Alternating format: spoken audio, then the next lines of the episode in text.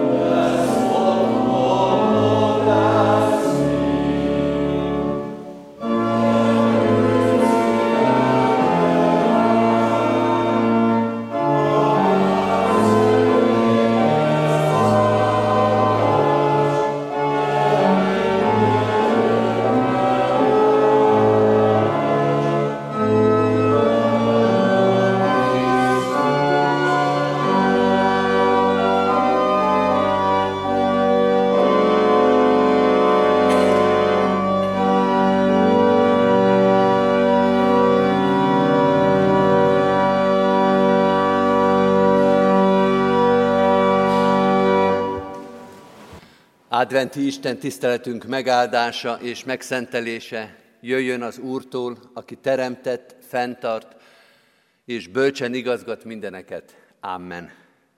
Halljátok az igét testvéreim, amint szól hozzánk Jónás proféta könyvéből, a második részből. Az egész második verset olvasom, ezért ülve hallgassuk meg Isten igéjét. A mai Ószövetségi igényből tehát Jónás proféta könyvének a második részében így szól hozzánk Isten igéje. Az Úr azonban oda rendelt egy nagy halat, és az lenyelte Jónást. Három nap és három éjjel volt Jónás a hal gyomrában. Jónás ekkor a hal gyomrában Istenéhez, az Úrhoz imádkozott, és ezt mondta, Nyomorúságomban az Úrhoz kiáltottam, és ő meghallgatott engem. A halál torkából kiáltottam segítségért, és te meghallottad hangomat. Mélységbe dobtál, a tenger közepébe, és áradat vett körül. Minden habod és hullámod átcsapott fölöttem. Én már azt gondoltam, hogy eltaszítottál magadtól, és nem láthatom többé szent templomodat. Már-már életemet fenyegette a víz, mélység és örvény, örvény vett körül, hínár fonódott a fejemre. Lesüllyedtem a hegyek alapjáig, örökre bezárult mögöttem a föld. De te kiemelted életemet a sírból, ó Uram, Istenem, és amikor elcsüggett a lelkem, az Úrra gondoltam, és imádságom eljutott hozzád szent templomodba. Akik hitványbálványokhoz ragaszkodnak, azok elhagyják jótevőjüket, de én hála neked zengve áldozok néked, és amit megfogadtam, teljesítem. Az Úrtól jön a szabadulás. Az Úr pedig parancsot adott a halnak, és az kiköpte Jónást a szárazföldre. Isten tegye áldottá igének hallgatását és szívünkbe fogadását, hajtsuk meg most a fejünket és imádkozzunk. Mennyei atyánk, mi is hozzád kiáltunk, talán nem olyan mélyről, mint Jónás, de lehet, hogy mi is ezt éljük át, hogy az egész teremtettségnek, az egész életünknek a mély pontjára jutottunk. Add a szívünkbe azt a bizonyosságot és reménységet, hogy nem lehetünk olyan mélyen, ahonnan a Te hozzád küldött imádság el nem jut a szent templomba, ahonnan Te meg nem hallanál minket. Nem lehetünk olyan mélyen, ahová ne jutna el a Te tekinteted, ahová ne jönnél utánunk. Azzal a hitel és reménységgel imádkozunk, ma reggel is, most is, és majd holnap is, és holnap után is, hogy eléd jut az imádságunk, hogy nem az üres égnek mondjuk a könyörgéseinket, hogy nem maradtunk egyedül, hogy nem hagytál minket magunkra. Biztos a szívünkben ez a hit és reménység, de mégis kérünk ezzel a mai nappal is, a mai ünneppel is erősíts bennünk ezt a hitet és reménységet hogy az életünkre van megoldás, hogy Te vagy a megoldás, hogy Te vagy a válasz a kérdéseinkre, hogy Te vagy az, aki szabadulást hoztál a foglyoknak, nekünk is, az egész világnak. Hálát adunk néked ezért. Hálát adunk az egész világ megváltásáért, vagy ami még nagyobb és még fontosabb, az életünk megváltásáért. Hogy ez nem csak egy általános igazság, általános nagy reménység, hanem pontosan a mi életünkre is, a mostani élethelyzetünkre, a mai napunkra is válasz és megoldás. Jöjj és szólj ma is hozzánk. A te szavad legyen megtisztító, a te szavad legyen megszentelő erő, a te szavad legyen biztonság és bizonyosság, reménység, a szívünket átmelegítő jó hír. Jöjj, és a te szavad legyen válasz az egész életünkre. Amen. Kedves testvérek, készüljünk az ige hirdetésére a 392. dicséretünkkel. Annak két verszakát énekeljük. az első és második verszakot álmélkodással csodáljuk véghetetlen szerelmed.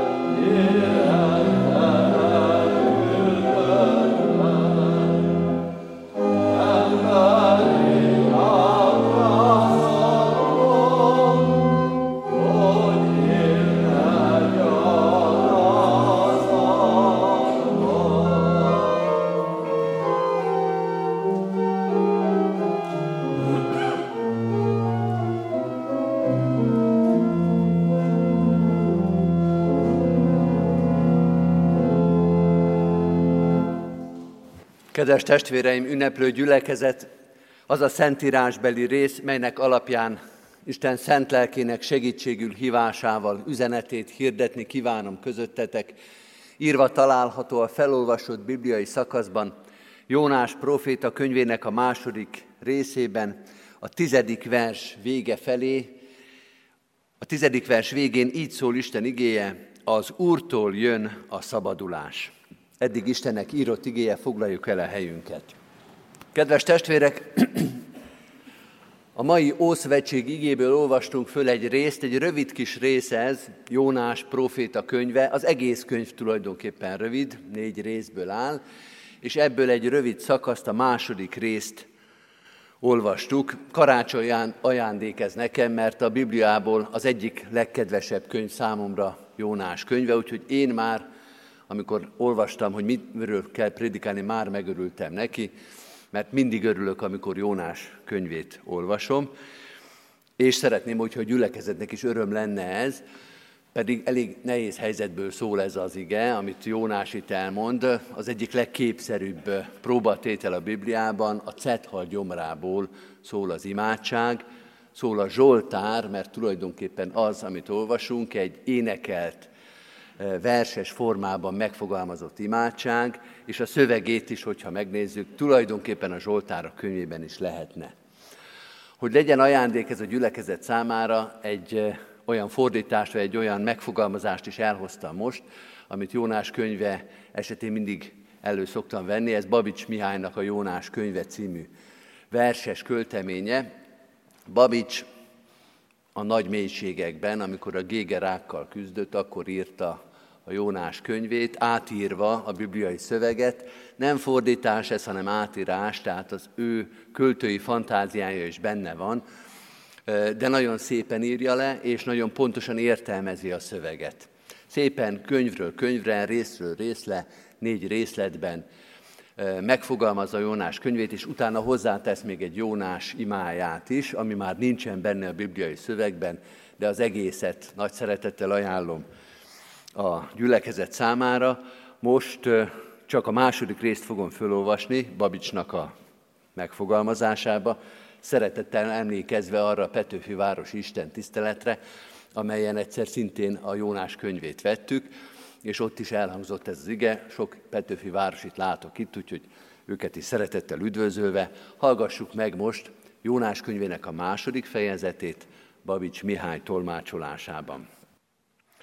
Az úr pedig len készített vala Jónásnak egy hatalmas cethalat, és elküldte tátott szájjal, hogy benyelné halat s vizet vederszám nyelve mellé, minek sodrán fejjel előre hosszant, Jónás simán és egészben úgy lecsusszant gyomrába, hogy fején egy árva haj sem görbült.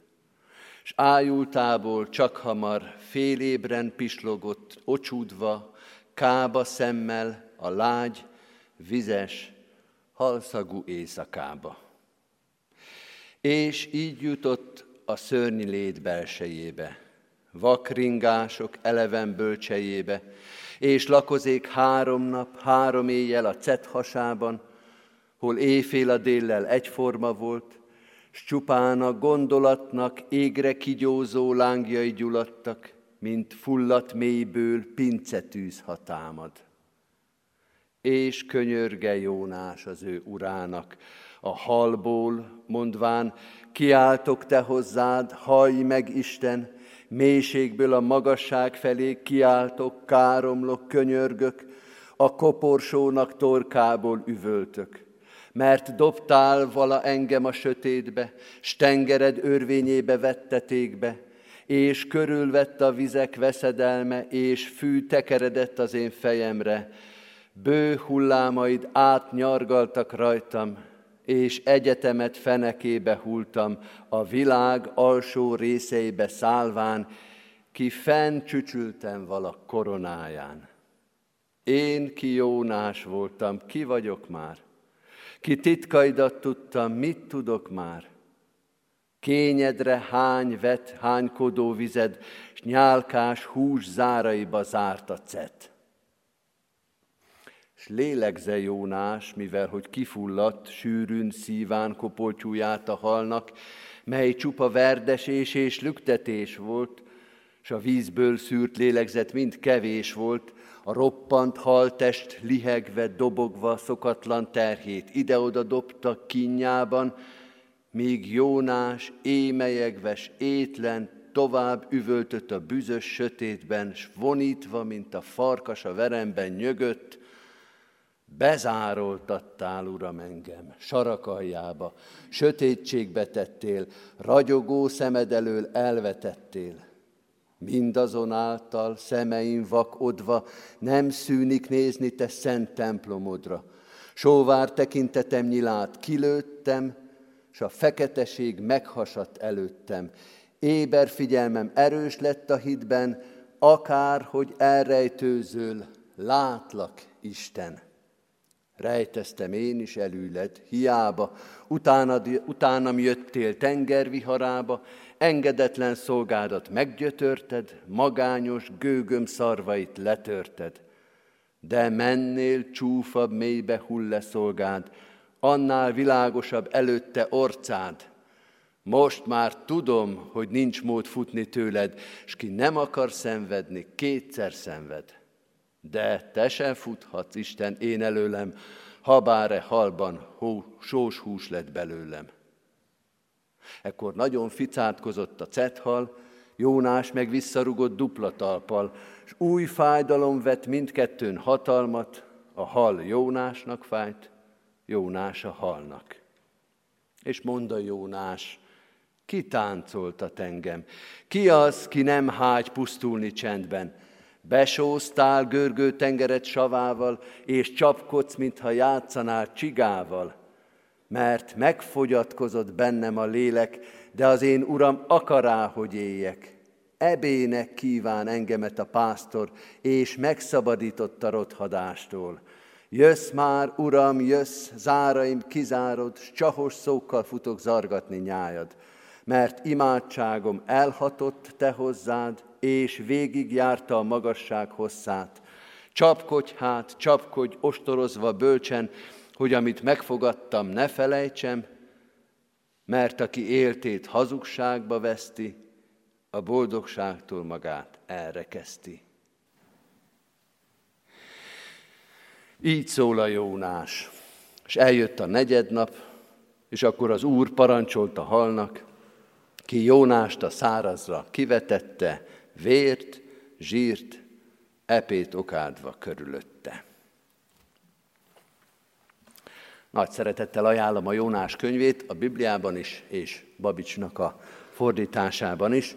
Térjünk vissza most ahhoz az igéhez, amely elhangzik ebben az imádságban, ebből a Cethal gyomrában megszületett Zsoltárban, méghozzá a bibliai fordítás, a bibliai szöveg szerint az utolsó mondatban az Úrtól jön a szabadulás. Nagyon tömör, nagyon összefogott üzenet ez, négy gondolatot szeretnénk megfogalmazni, keretes szerkezetben fogjuk ezt nézni. A szabadulástól indulunk, és reménység szerint a szabadulásig fogunk eljutni. Azt mondja ez a mondat, hogy az Úrtól jön a szabadulás. Arra következtethetünk, kedves testvérek, hogy foglyóknak mondja ezt az Úr. Akinek szabadulásra van szüksége, az fogoly, az rab, az meg van kötözve. Ha modern igehirdetés lenne ez, de nem az, de ha az lenne, akkor most azt mondanám, hogy most tegye föl a kezét az, aki érintve te, érzi magát. Aki úgy érzi, hogy ő fogoly. Nehéz átérezni ezt, kedves testvérek. Pontosabban néha könnyű. Néha könnyű átérezni, amikor tényleg nagyon rossz az élethelyzetünk. Bejön egy nagyon rossz diagnózis, szenvedélybetegség van a családba, összedől a gazdaság, anyagi gondok, elbocsátás. Amikor úgy érezzük, hogy minden megkötözés, minden ránk omlik, akkor tulajdonképpen nem olyan nehéz átérezni, hogy foglyok vagyunk, hogy rabok vagyunk, és szabadulásra van szükségünk. De kedves testvérek, sokszor úgy nagyjában rendbe mennek a dolgok. Sokszor úgy körülbelül megvan az életünk. A bajokat leszámítva minden rendbe. Nincs okunk a panaszra. Sokszor van úgy, néha az életünk nagy részében úgy van, hogy azt gondoljuk, hogy ez az igaz nem rólunk szól, és főleg nem nekünk szól. Az Úrtől jön a szabadulás, Kit kell megszabadítani? Mit kell megszabadítani? Az az ige, amely itt elhangzik, az mélyebb önismeretre késztet minket, valamilyen mélyebb átgondolásra. Mint ahogy Jónás könyve, az egész könyv is mély önismeretre és átgondolásra késztette Izraelt, a kiválasztott népet. Hogy nem a pogányokról van itt szó, persze róluk is, Ninivéről és a pogányvárosról, nem a népekről, nem a világról, hanem Izraelről van szó, hogy Izraelnek van szüksége, hogy Izraelnek is szüksége van a szabadulásra. Jónás könyve egy önismereti könyv, egy egész nép számára, Izrael számára, az egyház számára, a keresztények számára, sok-sok humorral és sok-sok szeretettel aki küzd ezzel a mondattal, hogy szükségem van-e nekem Isten szabadítására, nagyon jó kezdő olvasmány Jónás könyve. Mire is van szükségünk? Vagy kire van nekünk szükségünk? Jónás könyvének ez az egy mondata, ez a tömör mondata, ez az imádságot lezáró mondata, ezzel a mélységgel kezdi meg. A foglyoknak, a bezártaknak, a raboknak van szüksége szabadulásra. Az Úrtól jön a szabadulás. Az első szó a mondatban, a Héber eredetiben is az Úrtól rögtön azt is megmondja, hogy ki lesz majd a mi szabadítónk. Vagyis, hogy Istentől. Istentől jön a szabadulás. De ez rögtön kérdés is, tényleg tőle várjuk? Ez a mondat, vagy ez az egyetlen kezdőszó azoknak szól, akik ugyan érzik, hogy segítségre, megoldásra, szabadulásra van szükségük, keresik is, de nem mindig találják meg a forrást, vagy rosszabbik esetben sose találják meg a forrást. Bármilyen segítséget, bármilyen szabadulást, bármilyen megoldást elfogadnának, csak az Úrtól nem fogadják el. Megint visszameltünk Jónás könyvéig. Izrael és az Ószövetség nagyon sokszor beszél arról Izrael élete, hogy a szabadulás az kellene, a probléma megoldás kellene, de nehéz kimondani, hogy az Úrra van szükségünk. Kitől jön a szabadulás? Önmagunktól? Egyiptomtól, a Szíriától, az éppen aktuális erős államtól a környéken. Izrael történetének a nagy része ebből állt, hogy hol jobbra, hol balra, egész pontosan hol északra, hol délre kacsingatott. Ki fog rajtam segíteni? Melyik az az aktuális birodalom, amely majd megment a másiktól? A földi hatalmaktól várjuk a szabadulást? A szerencsétől? A tudománytól? Vagy a tudománytalanságtól? A csillagokból? A teremtményektől? Nemrég voltam egy könyvbemutatón itt a Rádai Múzeumban, Barna Tamásnak jelent meg egy könyve, az a címe, hogy Mélységtől a magasságig, ásványok a Bibliában. Egy erdőmérnök egyébként, aki ezt a könyvet írta, ásványkutató, nagyon szép, kiállításában egy szép és érdekes könyv, alapvetően ásványokról szól, azokról az ásványokról, amelyek a Bibliában szerepelnek. Tudományos igényel írja le a szerző ezeket a könyveket, nagyon szép fotók is vannak benne. És a könyvbemutatón volt egy érdekes kiszólása, hogy elég nagy a kereslet a könyv iránt, meg a téma iránt is, nem azért, mert olyan sokan gyűjtenének ásványokat, van ilyen is, hanem mert nagy az elvárás az ásványokkal kapcsolatban. Hogyha bizonyos ásványokat karkötővé összefűzve az ember hord, akkor a szívbetegség, vagy gyomorbántalmak ellen, vagy szomorúság ellen. Ismerjük ezt a jelenséget? Azt mondja, ő ismeri, mert sok ilyennel találkozik, veszik a könyvét, dedikáltatják, és nem hiszik el neki, az ásványkutatónak, hogy az ásványok nem fognak meggyógyítani. Hogy ez se karperec, se nyaklánc, semmilyen.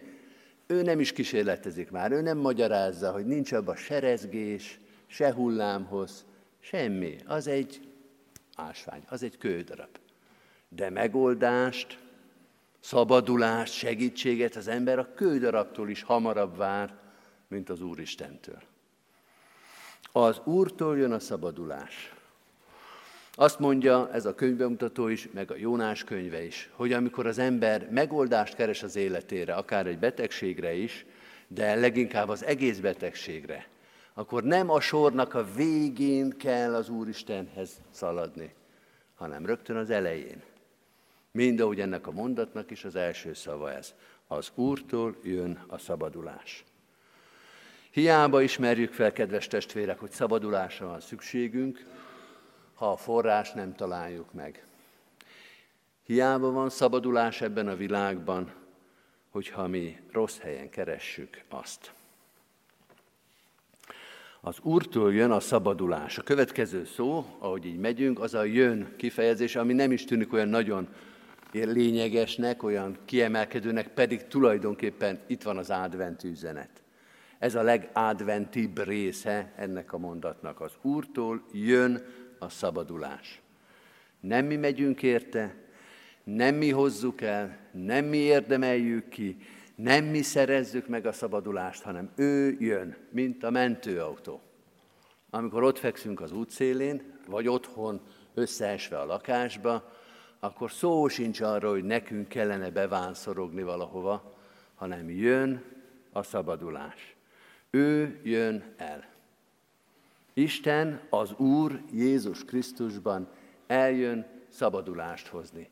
Ennek ez a dinamikája, ez a mechanizmusa, hogy ő eljön ahhoz, akinek szabadulásra, gyógyulásra, megmentésre van szüksége.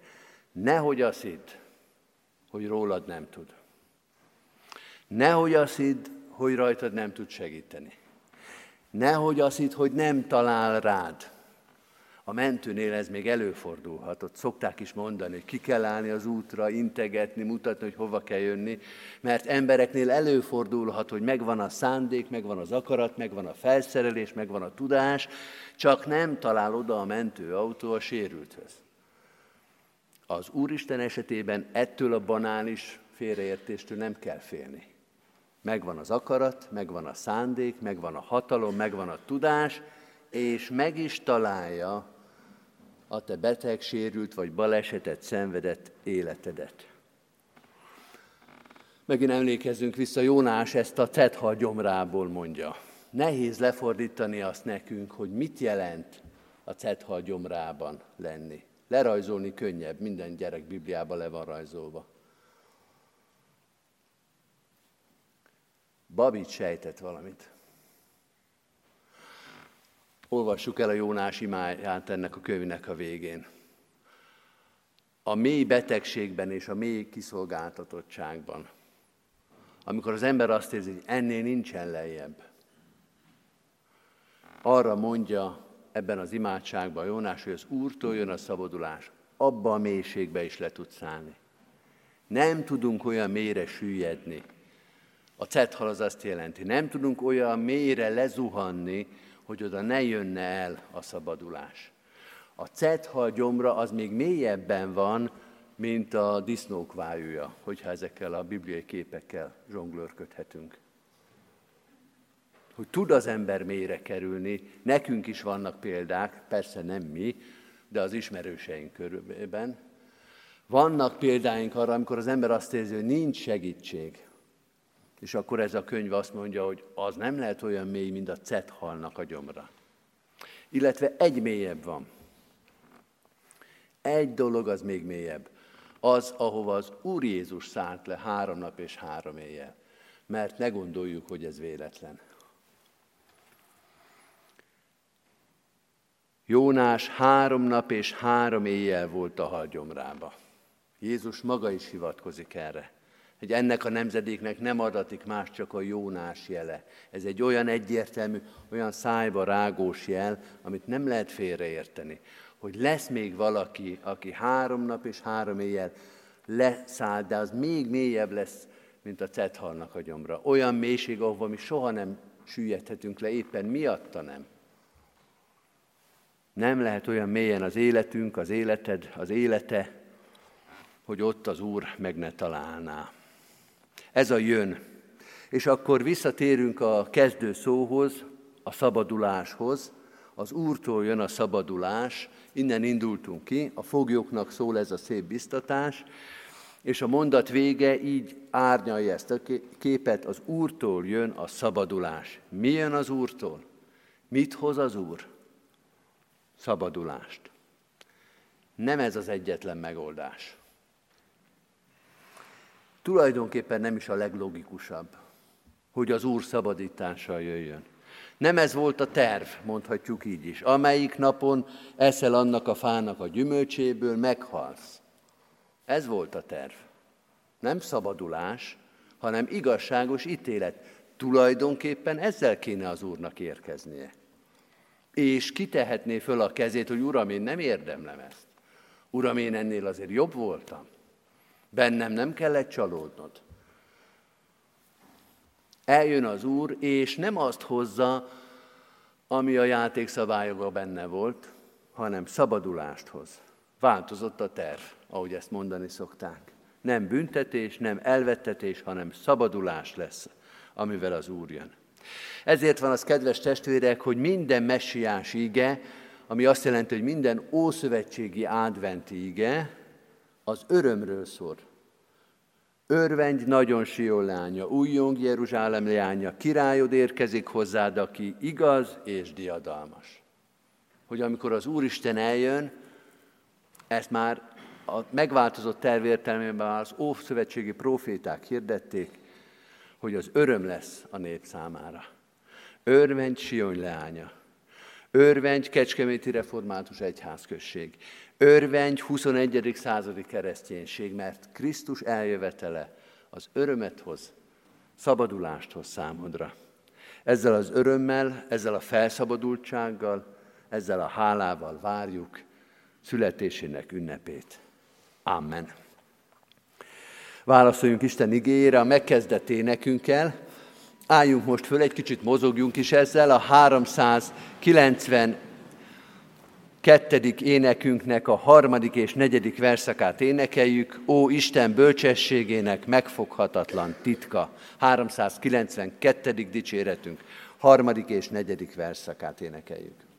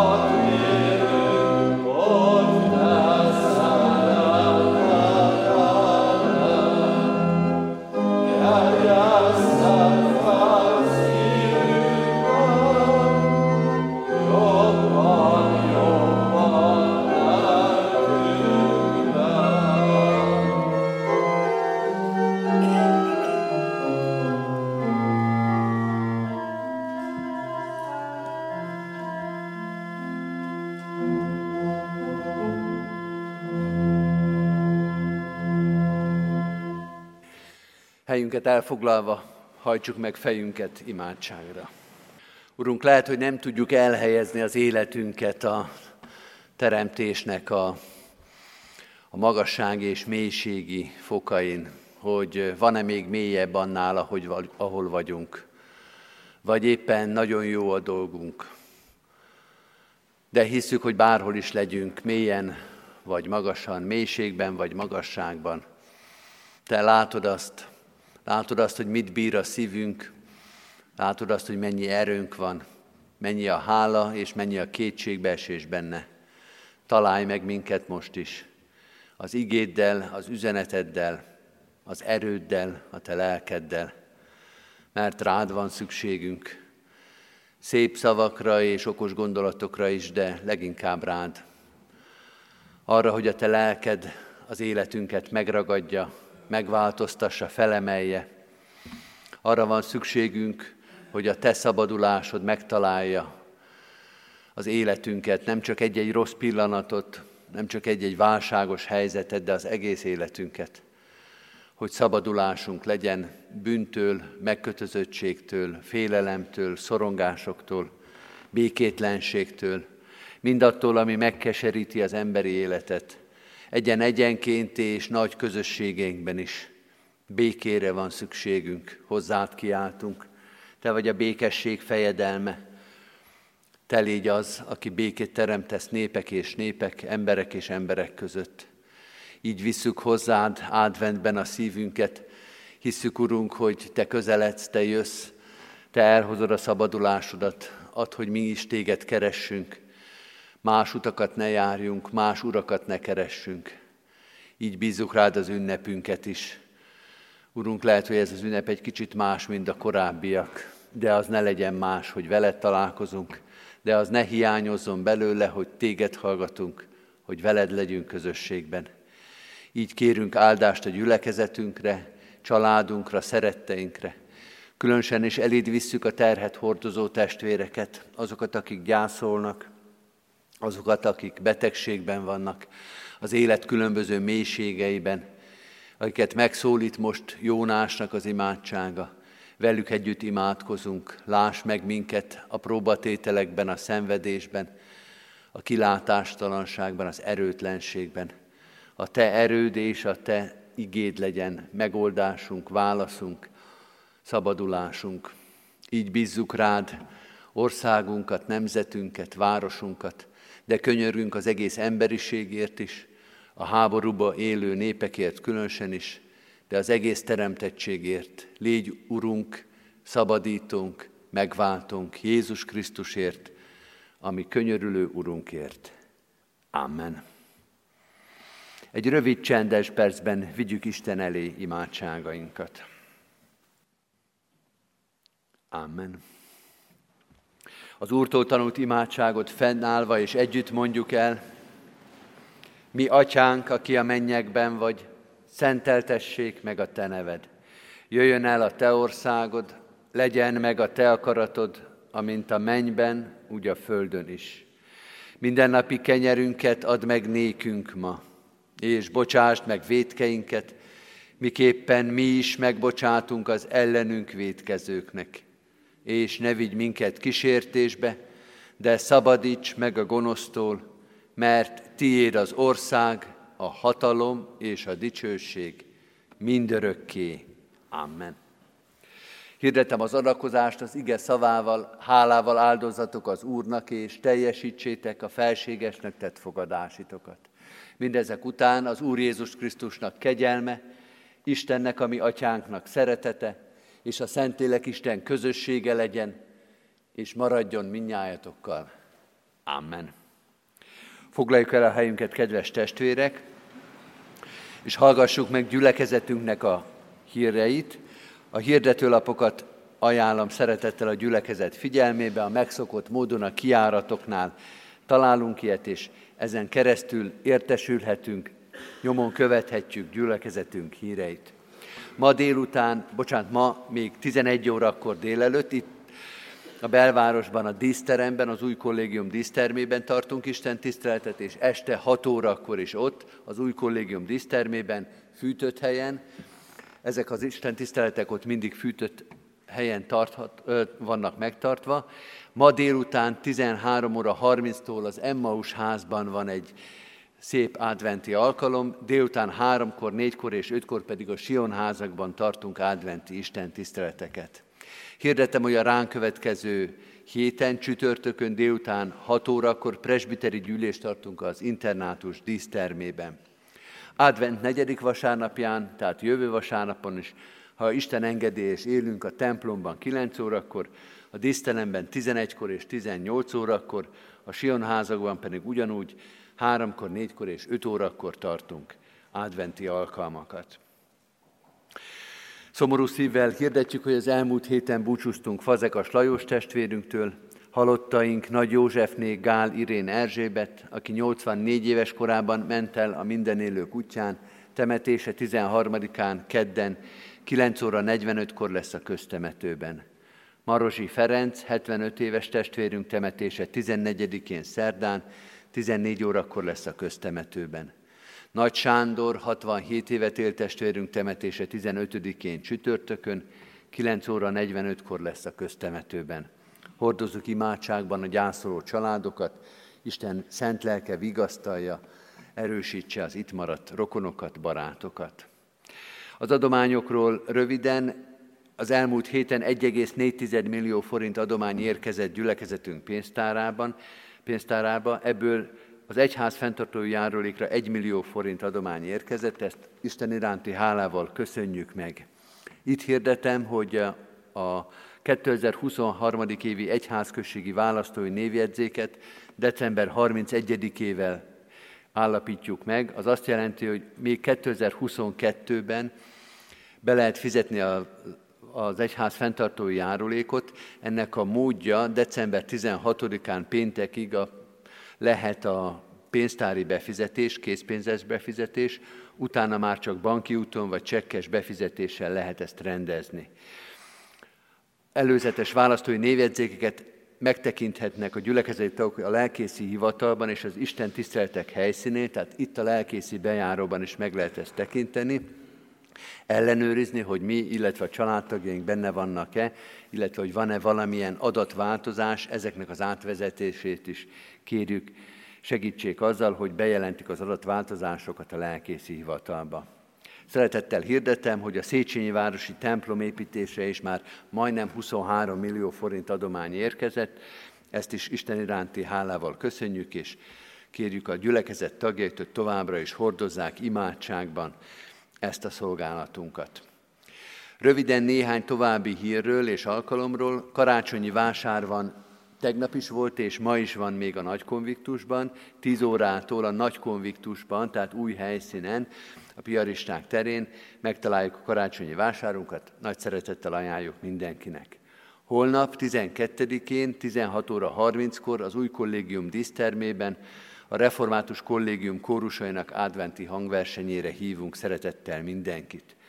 15-én csütörtökön délután 3 órától csendes éj névvel, címmel csendes napot szerveztünk a fiatalok számára, erre még lehet jelentkezni, ennek a helyszíne is a díszterem és ott a környező helyiségek.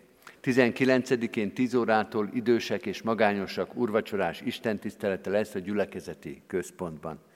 És hirdetem, hogy a gyülekezeti újságunk, a Szőlős Kert legfrissebb számát a könyvtárunk honlapján lehet, tehát interneten lehet megtekinteni.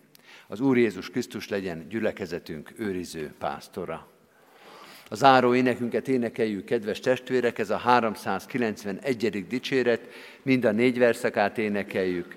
A sötétség szűnni kezd már, az a csillag eljő hozzánk, véget ér a gyász, a sóhajtás. thank you